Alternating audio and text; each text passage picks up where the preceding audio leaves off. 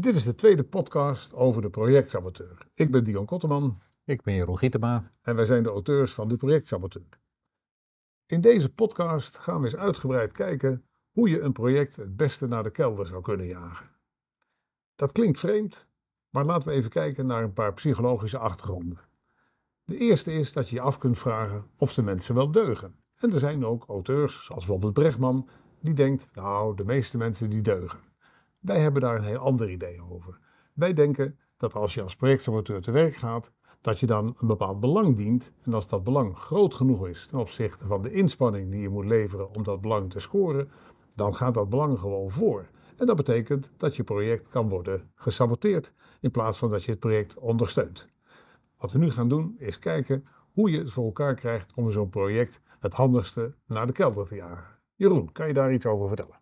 Ja, belangrijk is natuurlijk dat je zelf begrijpt hoe een project in elkaar zit. Als je weet hoe een project bestuurd wordt, hoe, uh, welke methodes er gebruikt worden in een project, dan weet je ook waar je als saboteur op kunt richten. Terwijl andere verhaal is ook, je moet de belangen begrijpen die rondom een project spelen. Ben jij de enige die iets tegen dat uh, project heeft? Of zijn er meer mensen in jouw organisatie die wat tegen dat project hebben? Ja. ja? En dat zijn een heleboel uh, losse dingen maar het goede is dat we dat op een rij gezet hebben en in het boek hebben aangegeven wat voor methode je zou kunnen volgen om een beetje zicht te krijgen op al deze losse elementen die Jeroen nu net genoemd heeft. Die losse elementen kunnen we keurig netjes uh, rubriceren. Het begint met uh, hoe is de motivatie geregeld. Als mensen gemotiveerd zijn om zo'n project te saboteren, dan is dat het allereerste punt waar je naar moet kijken. Dat is het eerste wat je moet doen. We hebben ook een test voor in het uh, boek gezet. Een self-assessment, die kun je gewoon uitvoeren. En die self-assessment, daar blijkt, ben ik gemotiveerd om het te doen? Andere vraag die daar ook uit naar voren komt, ben ik überhaupt in staat om het te doen? Want ik moet natuurlijk wel zeg maar, op de positie zitten dat ik een project kan saboteren. Kan ik die invloed uitoefenen?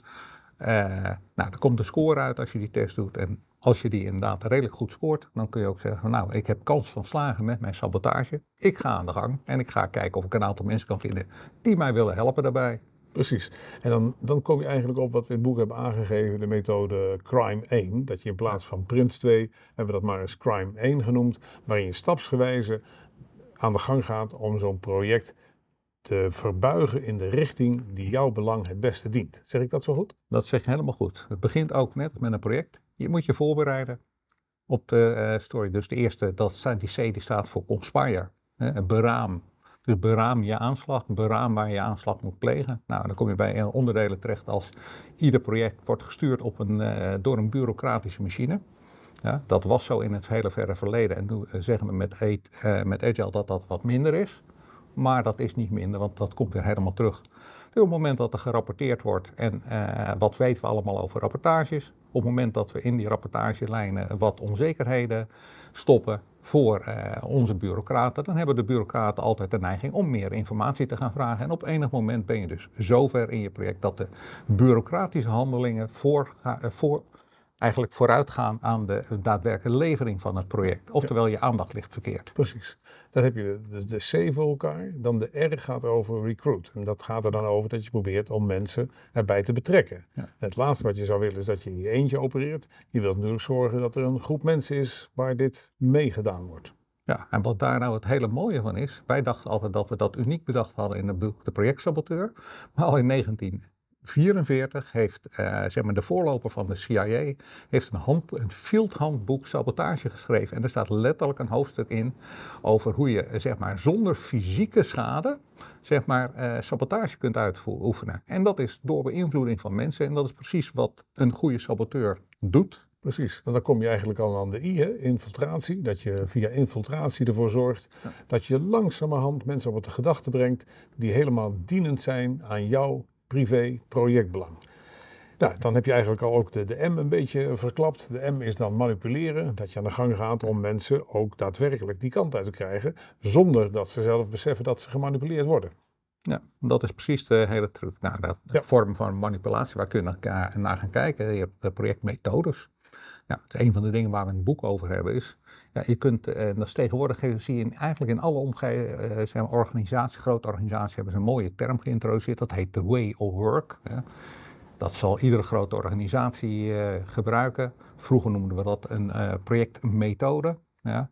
En Wat het nare is van de projectmethode, dat is altijd, hij kan uh, of ondermethodisch zijn, je, zegt, je geeft te weinig handvatten om een project te besturen, of je doet hem overmethodisch. Nou, een voorbeeld daarvan, uh, overmethodisch is wanneer jij aan een uh, engineer in een project of een programmeur in een project of een bouwvakker precies gaat vertellen hoe die zeg maar zijn, zijn werk moet doen. Hè. En met slaan moet je niet vertellen hoe hij zijn stenen moet stapelen. Ga je dat wel doen, gaat hij met zijn hak in het zand en dan wordt het een heel rottig muurtje. Nou, dat is de overmethode. Precies. En het effect is natuurlijk, zolang iedereen maar volop met die methode bezig is, wordt er geen resultaat geboekt. En dat zou wel eens precies de reden kunnen zijn waarom de projectsaboteur hier zijn vingers achter zet. Om zoveel mogelijk op de methode te werken en niet aan het resultaat van het project uh, te werken. Ja. Mooi. Nou, dat is, een, dat is een duidelijk verhaal. Dan kunnen we dus aangeven dat er geen uh, uh, actie ontstaat zolang dit maar gebeurt.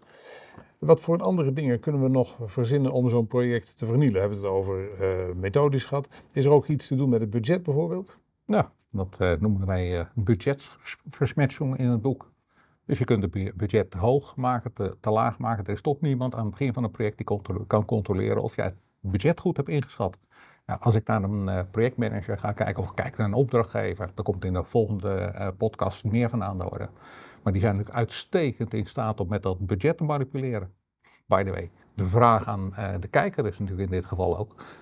Hoe vaak heb je dat zelf meegemaakt? Hoe vaak heb je meegemaakt dat een opdrachtgever tegen jou zei: Ja, dit project is eigenlijk voor mij te duur. Kun je het niet wat lager inschatten? Waarmee je uiteindelijk dat project zag mislukken. Ja, precies. Dus dat betekent dat uh, je vast al meegemaakt hebt dat een budget een factor is om een project te laten slagen of niet. Als een project te laag is, dan word je voortdurend geconfronteerd met overschrijdingen.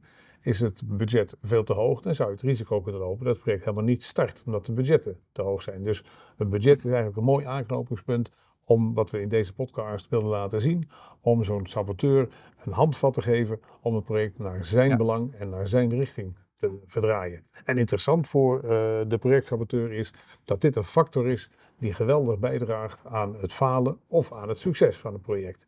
Nou, dat is een belangrijk onderwerp voor uh, deze reeks uh, podcasts.